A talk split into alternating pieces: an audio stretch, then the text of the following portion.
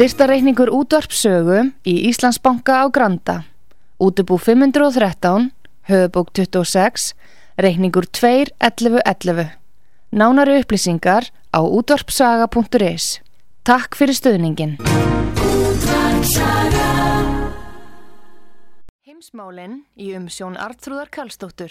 Fréttir og fréttatengt efni af Erlendum Vettvangi.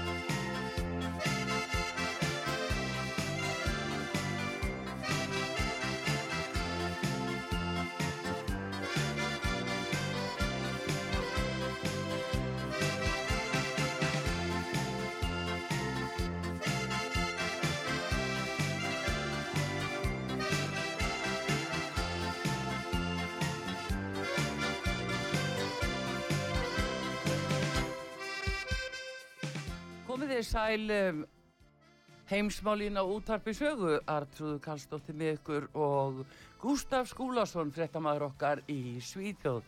Hann er hérna á línunni mættur. Góðan dag, Gustaf. Já, komið sæl og blessu útvarp saga. Já, nú er það helstu málinn víða um heim, Gustaf. Það er, að, það er að, ná að taka í sjálfu sér, en hvað ber svona hæst hjá þér eh, þennan daginn? Já, það má náttúrulega segja það að, að eh, orð Donald Trumps var ekki mikla aðtikli, hann var í nýju viðtali við, á Sky News Ástralíu Já, við Piers Morgan í, í þættinum sem hann kallaði óriðskoðað og var þráfallega spurður um stríðið í Úkrænu og afstöðu hans og hvernig hann hefði, myndi hafa starfað og hvernig þetta væri ef hann hefði haldið áfram og allt það. Já, og eh, hann talaði mjög tæpi tungulust í þessu viðtali sem að óhægt maður segja hafi nú ekki töluverð aðtíli og eh, við erum með, eh, sko, hann var náttúrulega meðal hann spurður að því Uh, hann sagði það að hann hefði haft tvö störf þegar hann varð fórstitt í bandaríkjana.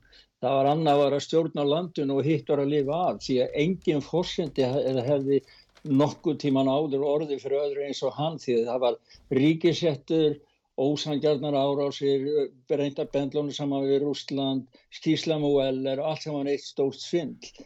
En svo fer hann inn á þetta með stjórnina í dag og við erum með hljópa, hljóðbút um það. já. Hvað hann sagði í þessu viðtali við Sky í Ástralíu? Já, Já, heyrðu, við skulum heyra það, Gustaf, að Já. Donald Trump fyrrum uh, bandaríkjaforsiti í nýlegu viðtali. What's your message for Putin now, right now? If, he, if you could talk to him, what would you say to him? I, I, I would say it's a shame what you've done. You're killing, I think potentially, look, you know, if, if these people aren't smart, and they're not, our leaders are not smart. If they're not smart, you're going to end up in a nuclear war. This is just the beginning. Should Putin get out of Ukraine right now? Uh, they should make a deal, and they can make a deal, and they should do it fast. When people look back on this period of time, we're going to be ashamed at what we've done or what we haven't done to stop this catastrophe. This is a catastrophe. This is, in a way, already a world war. And I say this our country's in trouble. Something has to happen. And if it doesn't happen, and if we don't have smart leadership, you're going to end up with no world. The world is going to be blown to pieces. We have stupid people now running our country. The world is going to be blown to pieces. Já, þetta var Donald Trump fyrrum bandaríkjaforsiti, Gustaf. já, Hann lætur það nú alveg heyra að þetta sé nú bara alveg stjúpitt.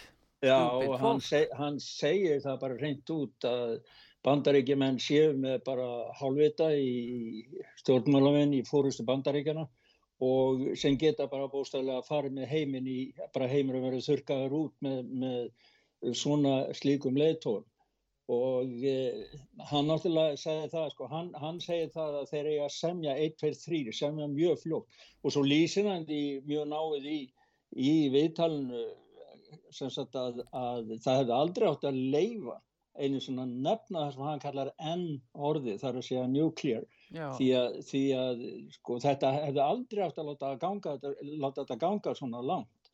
Og hann segir þeir geta alveg samið og þeir eiga að gera það strax og mjög fljótt.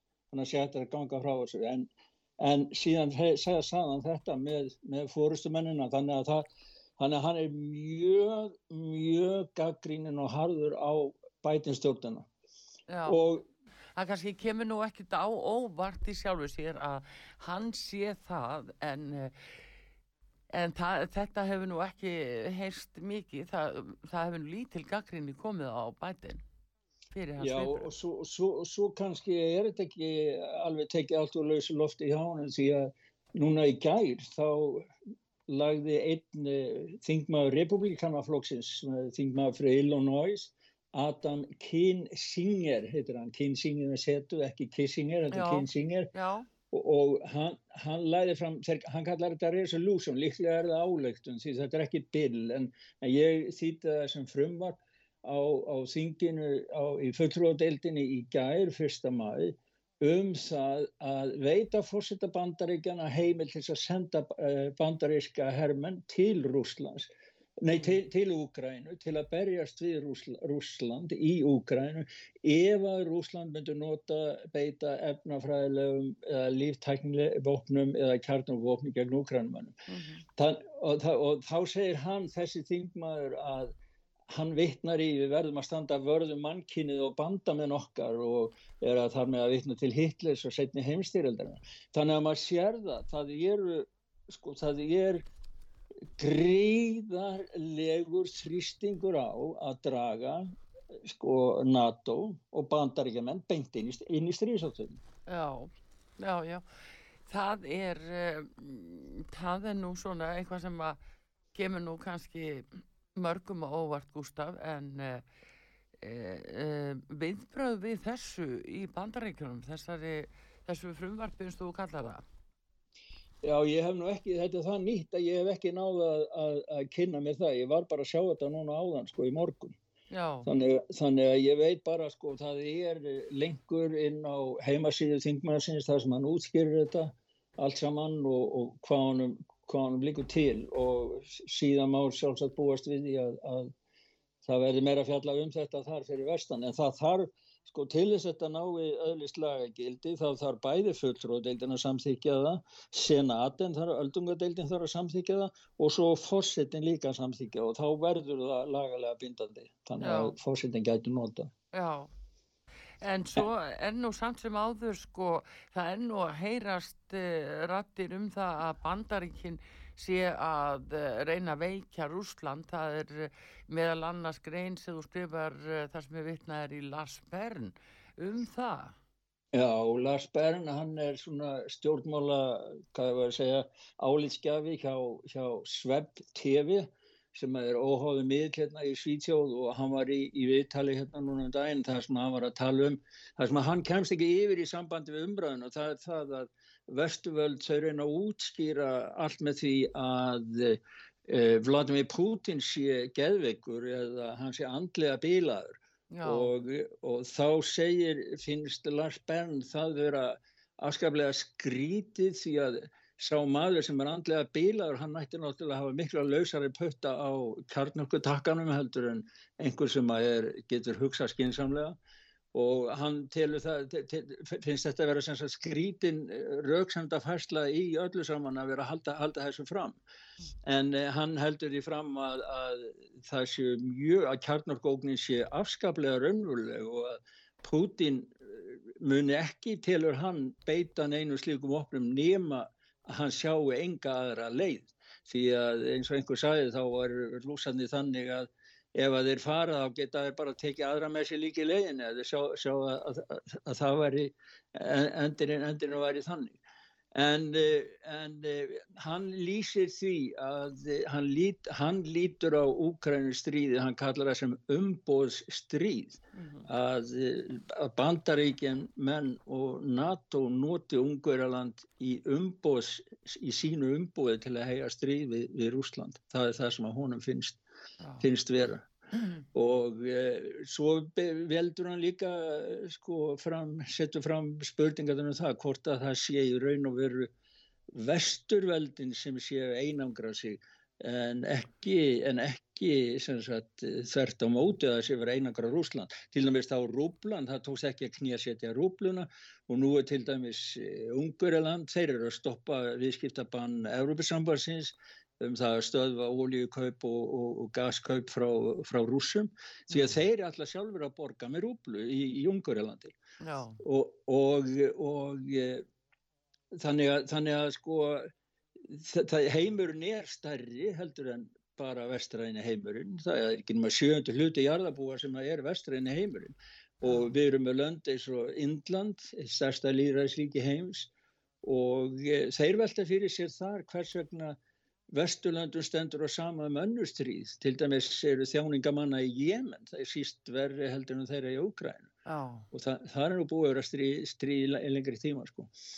og e, þannig að það er mikið svona, þetta, en, en öllum er saman um það að þetta sé mikil, mikil e, váleg vegferð og núna eru til dæmis umræðina hérna í Svíðsjóð þær eru alveg á toppnum, það er mikil títringur öllu samfélaginu hérna út á NATO. Já. og svo þeir sem ræða móti er móti sko þessum títring þeir eru að vara við í að verði teknar einhverja skyndi ákvarðanir sko, um að ganga í NATO því það er breyting á 200 ára stefni Svíðjóðar sko, en uh, nú er sagt frá því að til dæmis finnar þeir allir núna 12. mæ þá allir þeir að gefa það upp hvort þeir allir úrskæftir yngungi NATO Já, einmitt, oh. þeir allir gefa það og þeir, það var viðtal við uh, hana hérna utaríkisraður að sýtjaður í sjónvarpinni í gerðkvöldu og hún saði það að þeir myndu, það eriði ofanátt, saði hún að þeir ætluði að ganga í, í, í NATO Já. hún gaf það alveg í skinn fyrirfram áður en að finnandi segja það sjálfur sko. Já en, eh, en þannig að það er gríðarlega pressa hérna sko, alveg svakalega pressa hérna í Svíþjóð sko. Já, en er engin umræða Gustaf um bara frið og reyna að draga úr þessu, Hver, hvernig er það? Er, eru menn bara yfir höfuð ekkert að tala um að róa þetta niður og og semja, binda enda og finna leiði til að leysa þetta og stoppa þetta Nei, það er frekar á hinn veginn hvernig það hægt að auka, sko það er verið að draga, það er verið að, að sagt, hvernig það hægt að skada Rúsland sem mest, hvernig það hægt að stöðva alla sem að uh, hugsast gætu verið að kaupa eitthvað eða nota eitthvað frá rúsum. Nú skilist mér að, að Nóri voru alltaf banna rúsnaðsku skipum að koma nema þá kannski bara tógurum eða fiskiskipum að koma inn í norskar hafnir og sko það, það, það frekar alltaf þeim nótunum að, að auka einangrun og árásir og aðskilnað á rúsa heldur en nokktíman heldur en nokktíman verður að það koma friði. Það, friðar sko ég, ég, ég sé það ekki ofan á í spilunum hér Nei, og það er mjög ósæns Já, einmitt það, en þetta er samt spurning um sko uh, notkun á vopnum og hverjir eru náttúrulega að græða á því að framlega nógu mikið af vopnum og, og no, láta nota þau og sjáðu svíjar er að framlega heldur betur á vopnin sjáðu. Já, Rúsali sendi nú kort með mynda sér og, og öllum uh, þessum skriðdrygga árásarflögum sænska, sænska hersins Já. og sendi bara mynd til síður og sagði þakka ykkur kærlega fyrir vopnin þá náði einhverja sendingar sem voru til Mariupol en, en uh, þannig að já það er líka breyting á afstöðu, afstöðu svíja sko.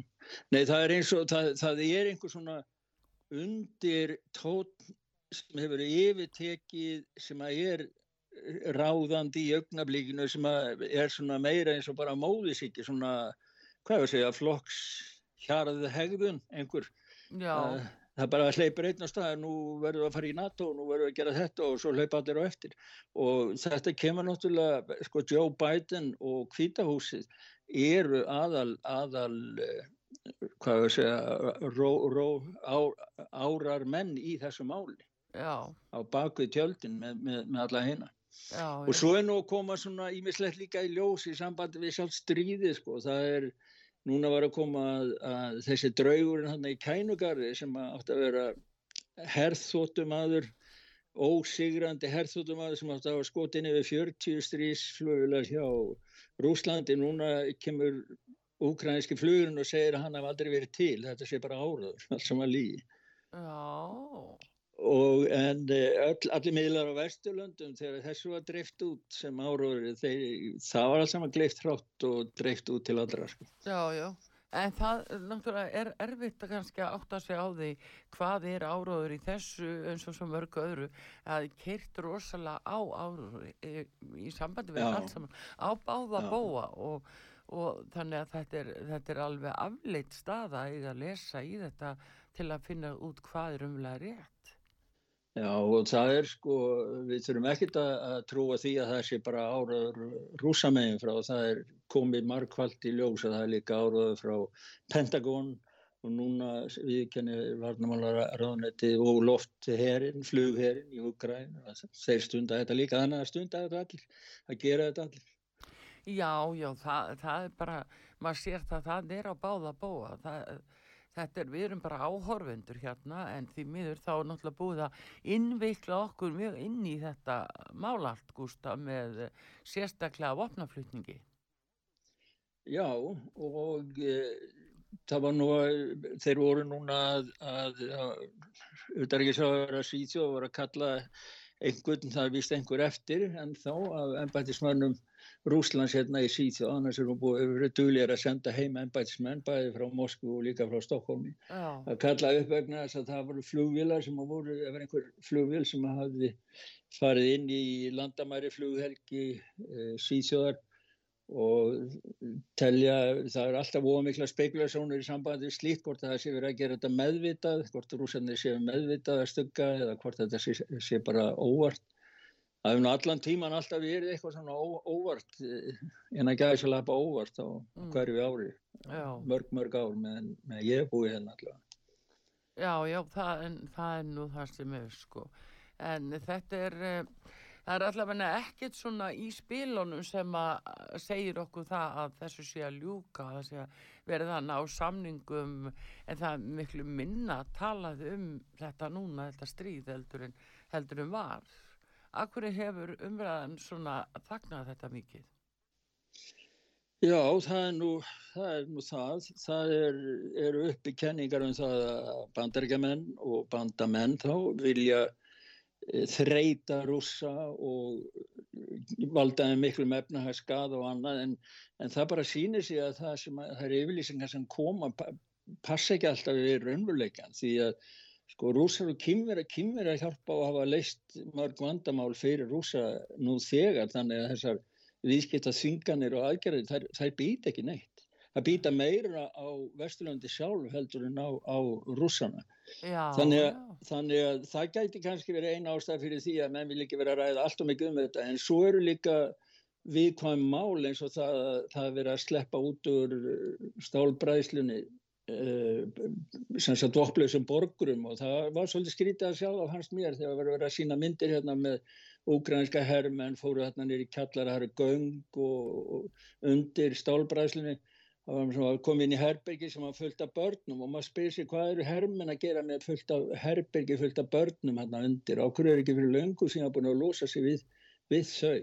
Já. og það, það hefur gengið erfiðlega þeir hafa ekki viljað, þeir hafa neita úgrænum en neita þegar þeim hefur verið búið að, að, að hleypa öllum út og hleypa bara út í 40 manna hóp, 50 manna hóp. Svo koma náttúrulega sögur og allt það beint frá fólkinu sem kemur hvernig ásökumulegið er. En það er eins og það vanti einhvern uh, það er eitthvað sem ekki stemmir í sambandi við þessa uh, svo kallu mannúðar uh, samþykti sem er á milli aðeila Já, mér. það er alltaf, sko, svo er samt verið að senda gríðlegt magna af peningum.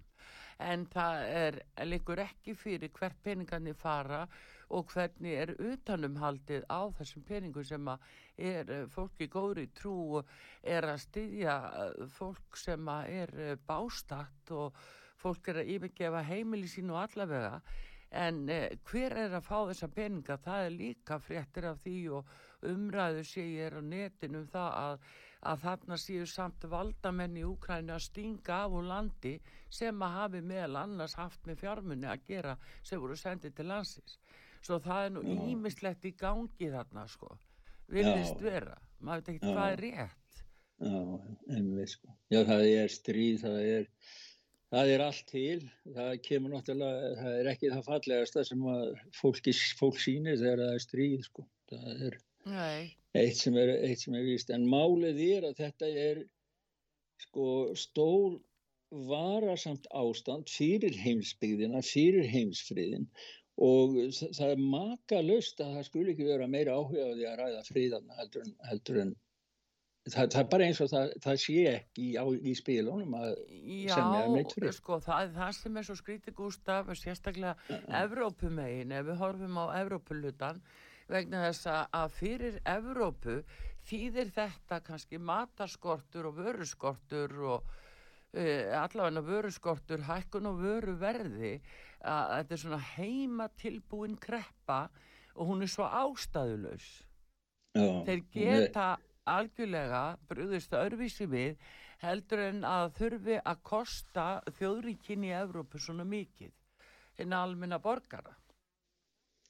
Já, ég meina að Evrópusambandi er núna, nú einn frétt um það á, á, á eh, heimasíðu sögu að, að Evrópusambandi er að koma núna með ráleik, ráleikja íbúinu hvernig þeir, eru að samina sko, hvað ég var að segja, allt í, í, í eina stóra eh, leysöp fyrir fólki sem á bæði að, að berja á Pútín, eh, leysa lofslagsmálin og, og umhverfismálin og það endar í því að maður á, ekki, að- maður á að hætta svo fötin sín. Það er nýjasta nýtt frá Európusambandinu. Þannig að Já. sko, það verist vera, sko, maður, á bara að viðra fötin því þá spara maður svo mikið ramag og með því að spara ramag þá borgar maður ekki eitthvað fyrir orku sem fyrir í vasan hjá Putin og þá er maður búin að nekja honum og svo leysir maður líka lofslagsmálin. Sko, þetta er, það, það, sko, Európusambandi er orðið þannig að það, fólkið í sambandinu virðist bara vera orðið bara stærsta vandamáli fyrir, fyrir eh, komissjónerana niður í Brussel. Því að ef það væri ekki neitt fólk í Europasambandinu, já þá þyrftur ekki að vera alltaf að koma, koma fram með svona alls konar förðulega rálegginga til þess að segja fólki hvernig það er að hafa sér, hvað má og hvað má ekki gera. Það Já, virðist allt saman vera fólkinu í Europasambandinu sjálf að kenna að, að, að ég menna, hugsaði það að vera að taka bíl og, og þvó föt. Þetta er bara alveg hræðilegt. Ég menna, ég held að fólki í Európa ætti bara að fara að flytja til Afríku, það getur þá kannski fengið að lifa þar eins og það vild, vildi gera áður hérna í Európu, áður en Európa-sambandi Já, fer með þetta allt saman, eitthvað. þetta er, sko, þetta er samt eitthvað skrítið, það vantar eitthvað, það vantar eitthvað inn í þetta, Gustaf, það vantar eitthvað inn í myndina. Uh, Já, það bara, verður ég að segjast bara, maður bara, ég meina, sko, sko að, að, þessi maður, þetta, sem kom með þetta, hann, hann, hann heitir Timmermann, Frans Timmermann, kommissionær, hann er hérna vara, hann er nummer tvö á eftir Úrsölu von der Leyen já, og, og, og, og þetta er það sem hann, hann situr og baðar höndunum og er, situr og blamannafundi í turnunum og er að segja við alla, alla Evropabúa já. hætti að svo fötin ykkar. Ég meina þessi maður, þetta fólk er snar ruggla sko. Já, þetta er, eh, jú, það er náttúrulega nýtt á hverjum degi, ef svo má segja, Gustaf, en, en Já. það er hins vegar alvarlegt mál uh, hversu uh, svona í ítökin uh, sem að, ESB hefur hér á Íslandi og, og hvað við erum bundin af þeirra ákvarðan, ákvarðunum í tengslum við náttúrulega EES-samningin. Við erum ótrúlega bundin mörgu sem að frá þeim kemur og ég ætla að fá að fara ymitt yfir það með þér núna á eftir, eftir auðlýsingar Gustaf Já, og uh, það eru ímismál sem að, við Íslendinga þurfum að aðtúa en svo en annað líka að það það er svona tilneyingi til þess að þakka það niður. Það er bara eiga allir að hugsa eins en svona þakka niður það sem hangir á spýtunni Já, það, er ekki, það er ekki hægt. Nei, er verðið með góðu, það bara gengur ekki. það er nú það en við ætlum hérna, við ætlum að að fá auðlýsinga Gustaf Skúlason, fréttamaður okkar í Svíþjóð og heyrum svo í þér að þeim loknum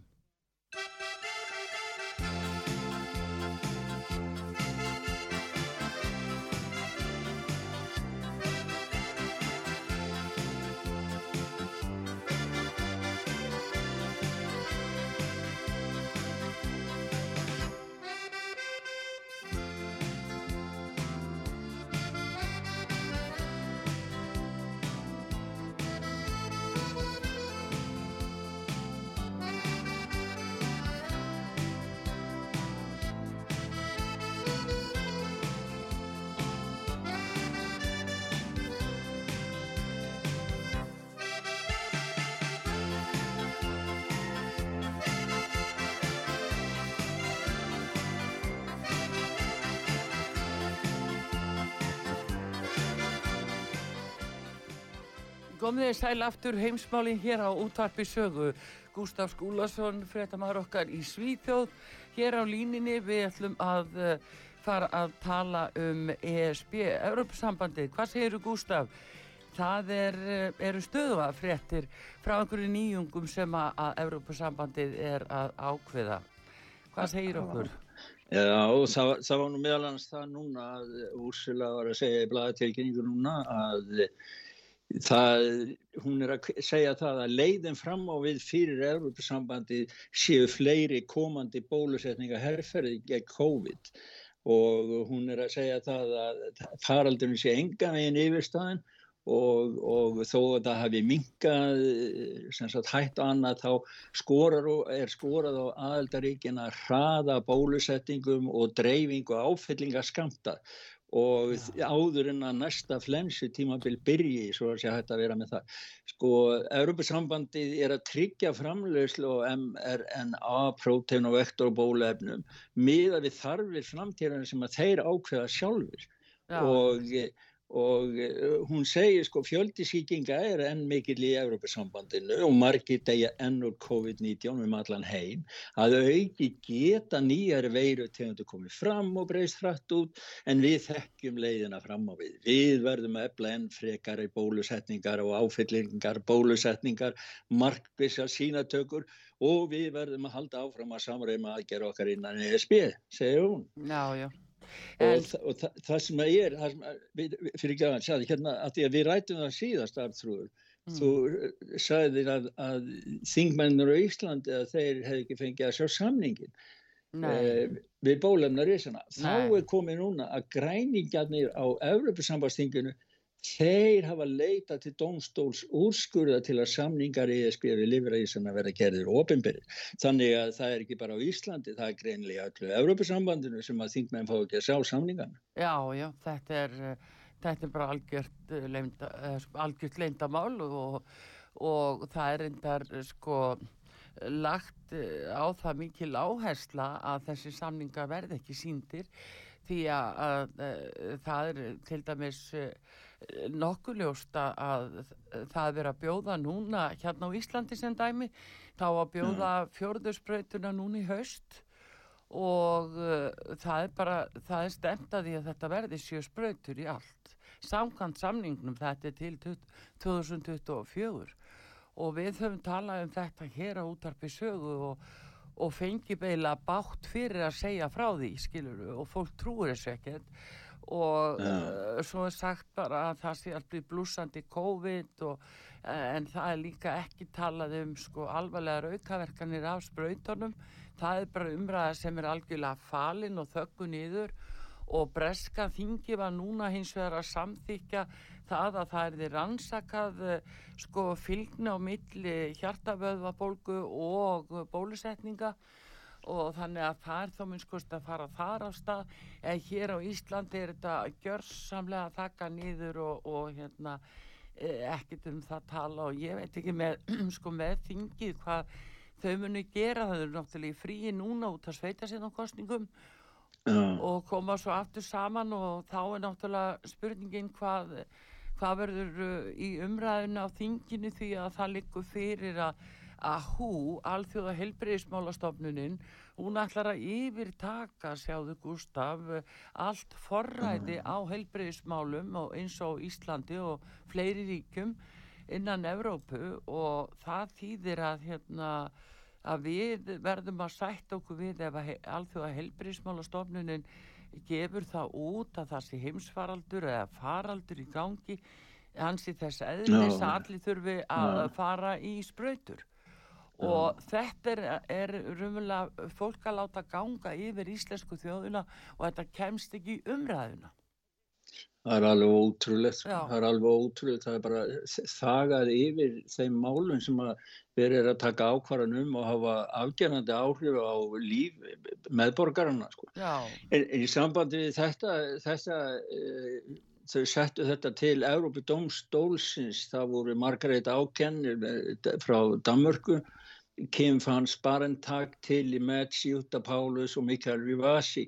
Þau hafa sem sagt vakið mál gegn framkvæmdastólun Európusambandur hjá Európusambandsdómstólunum þar sem að þau óska eftir því að upplýsingum um samninga framkvæmdar stjórnarinnar við lífafyrirtækin varðandi kaupskilmála, bólefnisins og annað eh, verði gert ofinbert því að þau skrifa, eða danska Margaret Auken hún skrifar Gagnsæi er likil tæki í baráttunni gegn COVID-19. Leind er gróðar stíja vantrösts og tortrygni og á ekki heima í ofenbæru samningum við lífjafyrirtæki. Neitun framkvæmdastjórnar ESB að byrta bólefni samningana hefur áhrif á tröst almennings á getu Európa-sambansins til að ná sem bestum árangri fyrir borgarna. Með þessu máli munum við berjast fyrir rétti almennings til upplýsinga. Ég, eh, tilvitni líkur, ég vona bara að, að eh, það verður spennand að sjá hvað domstólinn gerir, hvort að hann dæmir þeim í vilja. Já, og allavega það kemst þá í umræðina að, að eh, það sé nöysin á því að samningurinn verði gerður ofinberð og fólk fá að vita raunverulega hvað hangir þarna á spýtunni. Og þú sér það Gustaf að, og við munum það að þeir framleiðendur af bólefnunum sem að að þegar þeir eru hérna eru hvað eh, ég man ekki hversu margir þeir eru en skiptir ekki öllu en þeir óskuðu eftir 75 ára lend á eh, innihaldinu á innihaldsefninu. Svo eitthvað ennú í gangi ef þeir þurfa 75 ára lend uh, til þess að spröyta þessi fólk og heimsbyðina eins og hún leggur sig uh, og engin veitum afleðingarnar Já og er alltaf að koma fram sko sífælt meir og meiri upplýsingar og staðfestingar á ýmsum vafasumum og hörmulum afleggingum eins og hjartaveðabólgu eins og við rætum um síðar sko og eins og þú ert að segja frá núna í Breitlandi. Þannig að ég menna sko það mingar ekki uh, sannannar fyrir slæmum afleggingum bólefnana mingar ekki eftir því sem að tíminn vinnur. Tíminn vin, vinnur með þessum upplýsingum. Já. Já, já, það er nú það sem er en, en allavegna þessu er lægt svona eins og við munum líka að þeirra að var verið að byrja að spröyta að þá var nú sagt að þetta er mjög gott efni og, og uh, hefur engar afleggingar þannig sko og þetta er bara alveg nöysilegt en svo vilja þær ekki kannast við að tala neitt um þá sem að steinlíka eftir þetta. Já og sem betur fer sko þá hefur nú fólk eh, fundið sér leiðir þó að það sé mikið upplýsingastriði gangi og, og netirísarnir gera allt sem þeir geta til þess að, að skrúa fyrir.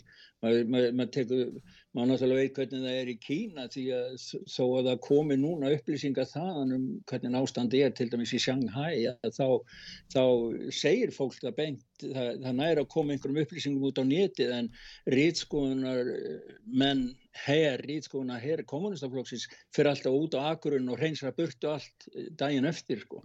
Þannig að það hverfur, maður verður að vera sko, mjög inn í því þar til þess að geta náðu upplýsingar bara núna því það eru hornar eftir kannski nokkra tíma.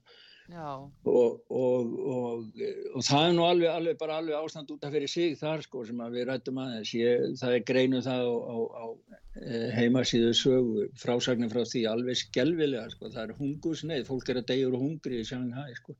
og það er lokað inni og svo að því að við höfum verið, voru rættu líka mannst um punktakerfi þá var, var kýmveri sem að flúði frá Kína sem er að upplýsa vesturheiminu um hvernig punktakerfi virkar þar svo ég Já. snaraði yfir og það er á heimasíðu sögu þar sem allir geta farið og lesið hvernig það var til og hvað þýðir í stórum dráttum því að þeir eru að þróa þetta áfram ennþá í Kína, það er ekki allir kónu með þetta að það er ennþá sko. nei, nei.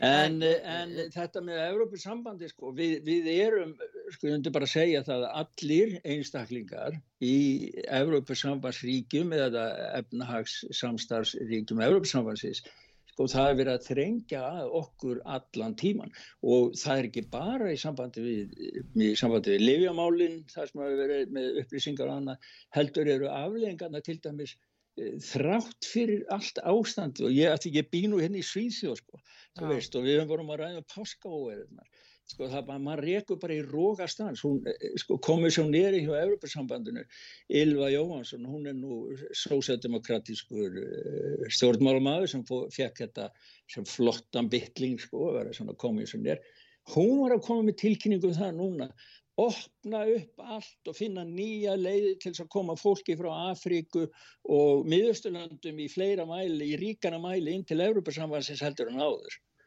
Já. Og halló þú veist, bara hvað hva er þetta? Jú, þá eru þeir búin að finna það út að kröfur atvinnureikenda í, í Európa-sambandinu, mm. þá vantir svo mikið vinnuafl og eina leginn til þess að fá vinnuafl það er að fá frá Afríku og miðausturlandum. Það sé vinnuafli sem að vinnu hérna, atvinnureikendur í Európa-sambandinu vilja fá. Oh. þetta, segir, sko, þetta segir hún sem komissjónér í, í, í genna Európa-sambansins en ég hef ekki heilt neitt atvinnureikand að segja þetta. Ég meina ég, atvinnureikand að samtengni síðan og ekkert verið að tala um það að það þurfa að flytja inn fólk frá Afríku til þess að bæta úr, úr, úr hérna, skorti á fagmentu starffólk í Svíðsjó. Ég hef ekki heilt það. Nei, en þetta er svona, jú, jú, þetta er bara partur af þessari heimstýringu sem við erum að raunverulega horfast í auðu við og, og, og byrtingamyndin hjá okkur og Íslandi er alveg þessi líka að það er okkur er sko eiginlega eh, við erum svona alltaf því tekin í, í kennslustund í vissum skilningi. Það að vera að nota mál sem koma upp og, og kalla sé rasismi hérna og þá er allir að taka undir það og þú veist það að vera að reka svona markvissan áraður gagvart já, ákunnu hlutum til að bú okkur undir að það muni streyma fólk við stöðlust inn í landið. Já, það er ekki örvísi sem það er. Já, og það er svo makalur sko, núna í Svíðstóð þá loksins gefur uh, nýju fórsættisraður að Svíðstóður með sér að innflýnenda stefnan séu mistök og hún er nú fengið mikið á baukinn fyrir það að, að vera óperska og viðkenna það því að sósaldemokrátar síð þá að vera 8 ár við völdin ah. og þetta er þá aflengja af þeim. En þetta er náttúrulega nær lengra tilbaka. Það er ekki bara þeir, það eru líka borgarastjórnir sem hafa voru með þetta að opna, opna hjörtur. En inflýndendastefnan er sko hefur gjásanlega místekist það er eins og hún lísti í sjálf þetta eru tveir ólíkir heimar. Fólk sem lifir og hefur allt sko talar alla saman. Og, og svo eru mæður sem er að, að fara út og, og hvetja börn sín kasta steinum í, í, í laurugluna og svo var þetta er ekkert betra í, í öðru löndum þó að þetta kom út svona þennan hátinni síð þá til dæmis í Belgíu. Það vakti mikla mikla aðtíkli núna að það var leitói sósaldemokratiska flamlenska flokksins Vúruvít Mm. Hann sæði það, hann var að lýsa afstöðu sinni þegar hann fer inn í útsetta hverfið uh, uh, Molenbeek í Brussel. Ég hef verið aðna sjálfur, ég veit nákvæmlega hvernig þetta lítur út, svo ég skil mannin mjög vel og það sem hann segir, ég, ég, þegar ég keiri gegnum Molenbeek, þá líður mér ekki eins og ég sé í Belgíu mm. og málið er það, það er svo mikið af dökku fólki, uh, slæðukonum, og svartklættu fólki, þetta er svona eins og sena úr miðausturlandum. Já. Og það var allt vittlaust, þetta er sem sagt leitói, sósaldemokratísku leitói, þetta var bara eins og hann er farið inn í kirkjun og blóta sko. Og uh, hann lýsið segir það, það er ekki í lægi þegar að það er ekki hægt að fá kennara í Brussel til þess að kenna á frönsku, heldur er bara hægt að fá kennara í Brussel til að kenna á arabísku. Þetta er nú bara ekki í lægi, segir hann sem ég, mér finnst bara að vera alveg, alveg rétt hjá honum því að arabíska er ekki grunnmál í Belgíu það, það er flamska og það er, er franska mm. þannig að en þá kemur starfsfélagan leitói fyrir franskumælandi sósjaldemokrata og rýfur hann alveg í spað, rasisti og hvað veit hvað. Þannig að sko vinstir menn þeir berjast á spjótum hverju annan. Núna, núna það eru, ímsir þeirra eru svona meira raunsæri eru fartin að skilja það að, að sko það verður, mann er nú kannski að fara hægar í það að vera að móka en fólki ef það er ekki hægt að skapa því grundöld til þess að aðlaga sér mm. og svo lendur maður upp með vandamála eins og við erum henni í Svíþjóð sem bara er bara borgarstýrjum líka við Já, já, já en mm. e, það er hins vegar Gustaf sko svona spurningin um heldarmyndina af þessu að, að það er verið, það er sér tilneyinga að reyna að fá alla til að gefa eftir að fullveldi sínu.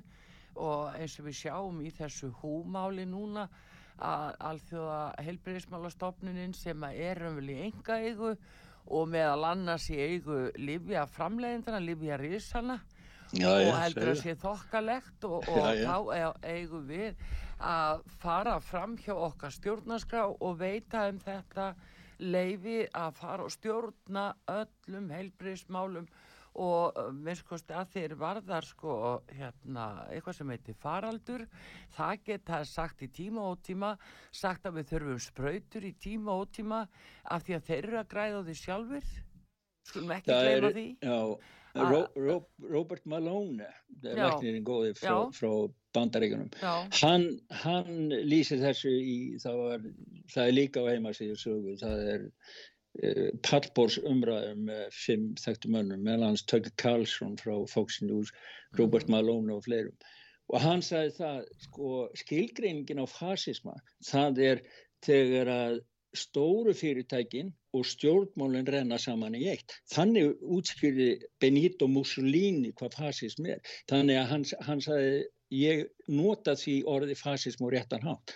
Það er það sem að vera að koma á. Mm. Stórfyrirtækin og pólitíska elitan hafa gengið saman í eina fasiska sæng. Og spurningin fyrir lönd eins og lítið, lítið lönd eins og Ísland, ég menna það eru nú hæg heimatöking á Íslandingum að þjarma að sínu stjórnmálamennum sem að bara hlaupa eftir hvaða dellu sem er. Mm, Já, ekki allir.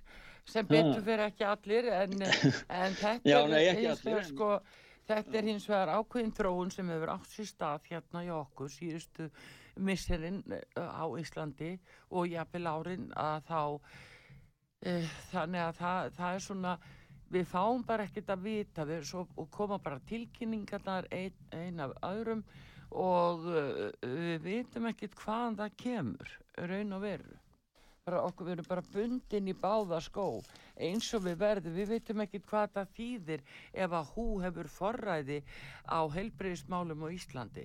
Og þessari heilbreyði stefnu uh, hú uh, hvað þýðir það þegar fram í sækir? Hverji fá uh, til dæmis heilbreyðist þjónustu í, í hvaða flokki A, B, C, D? Færðu þrjaflokksþjónustu eða færðu fyrstaflokksþjónustu eftir í hverðu ert af með nógu marga punta í gegnum uh, bólusetningavottorðið þitt skiluru hvernig er, hvernig er kerfið hugsað? Og það er það sem við þurfum með almenni borgarni þurfum að hafa mjög uh, já, opin augu fyrir. Já, það er náttúrulega algjört glabra að vera að samþykja eitthvað sem maður veit ekki hvað afleggingar hefur, skiljum. Já, það, það sýnist er, ég meina, við sjáum mm. nú þennan uh, bólefna samning að, að þingmennu var ekki eins og síndur hann. Og samt er þetta látið viðgangast og stjórnsíslan látið framkvæma. Og ég mér er að spurði yfirmann heilsugjastlunar á höfðborgarsvæðinu sem helt utanum spröytu meðferðina og ég spurði hann hvað innihald væri í þessu, hann vissi ekkert um það, hann var bara að framkvæma það sem hann átt að gera.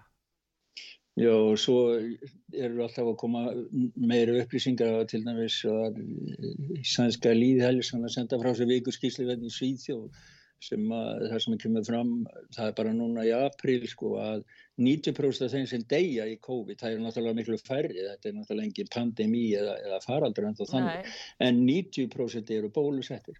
Það eru bara 10% sem eru óbólusettir sem deyja. Já, Þannig en var það ekki mitt sagt uppaflega að uh, fólk þýrti spröytu af því að það þýrti að verja sig, að til ja, að koma í veg fyrir að það veiktist? Var ekki sá áraður sem að var sáður mánuðum og jafnvel árum saman að, að við þurftum að verja okkur og þetta myndi verja okkur spröytunar. Jú og sölu aðeins stjórnmálaði menni eins og til dæmis Stjó Bætina hann sagði þannig bara ef þú spröyta á verðveikt veiku þú myndi ekki deyja. Já. Það voru bara þeir sem voru óbólisetti sem myndi deyja skilju. Þannig að, þannig að, já.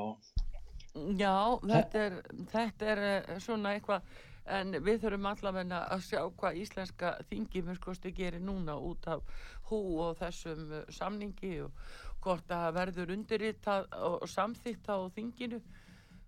Já, hvort að það já. verði ofan á maður á uh, svona kannski vonaði það, fólk bara átti sér ekki á þessu og trúis ekki og sjá ekki afleggingarnar þetta er það sem er búið að bjóða okkur upp á svona raunverulega árum saman Það virðist vera þá bara eins og við ræðum þetta sko að það er, ég menna, allþingi sem meira minna bara stimpla stofnun. Sko. Það er verið að reyna að koma því þannig við. Það er verið að reyna að koma því þann farveg að allþingi sé bara stimpilstofnun fyrir ESB til að uppfylla ESB-gröfunar. Það er það sem að eða má samt ekki tala um og, og þetta er svona Uh, þú veist, þetta eru kallað samsæriskenningar, þetta sé bull og samsæriskenningar og falsfrettir og eins og við höfum rætt á það og þeir orða leppir notaðir til þess að þakka nýri fólki og þakka umræðin og þakka bara mjög mikilvæg mál sem skipta íslensku þjóðina kannski öllu máli.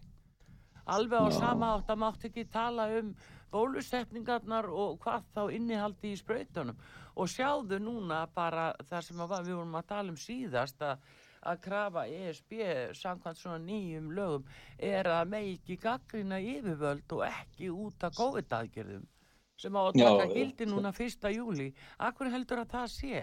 Að sé það hver helvita maður hvað þau eru að fela. og Úrsula von der Leyen hún, er, hún stendur í, í, í miklum átökum við uh, samherja sína sem að vilja betri skýringar á því hvernig hún plottaði hvernig hún samti um bólefnin og kom þeim inn í Livjastofnun Evrópu á einhverju neyðarleifi Já, já, og svo, svo er hún líka sjálf beitin, sko, hún er hluta af eigandi af málinu, hún á raun og verið ekkert að vera að koma nála þessu því að maðurinn hennar er, hefur beitna hagsmuna, peningilegra hagsmuna að gæta. Já, hún hefur fjáraslega návinning af því að þessi nota nógu mikið. Þannig að þetta til dæmis gerst ekki umræðin á Íslandi. Þetta er eitt af því sem er falið líka.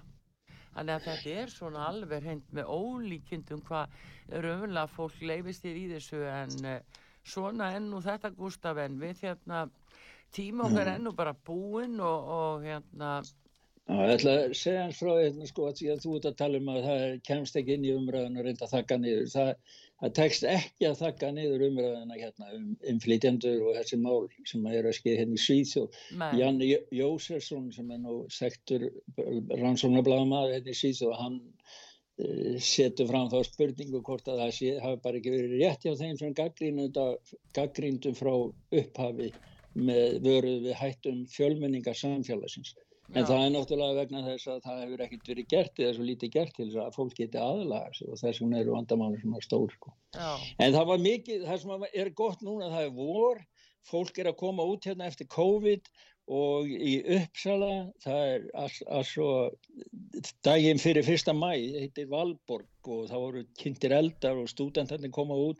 Það var aldrei verið jafnmar ekki stúdentar í Uppsala sem að setja upp húuna og var fagnað og það er Íslandsfoss þar sem að fólk fer á alls konar fara að tækjum nýður Já, og er mjög gaman að horfa það. Þannig að, að fólk bara vill gleyma öllu þessu leiðilega og bara halda fram að lifa það Þannig er, er það hérna. það, þannig á það að vera.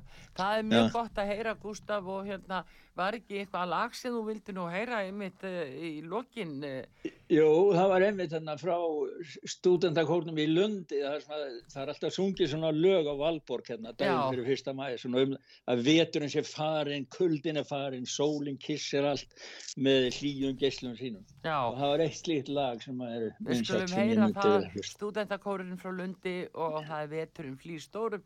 Gústaf, við látum þetta verða loka, uh, loka tónana frá Svíþjóð í, í Bili. Bestu þakkir fyrir, fyrir þetta. Sömuleiðis takk fyrir og hlustandi sög Já, Gústaf Skúlason, frettamæður okkar í Svíþjóð. Við þökkum honum kærlega fyrir og uh, Artrúðu Karlsdóttir þakkar ykkur fyrir og taknum að Baldur Skúlason í þessari útsendingu. Við skulum heyra uh, stúdentakórin frá Lundi syngja veturinn flýstórum. Vintern rasar ut av våra fjällar, drivans blå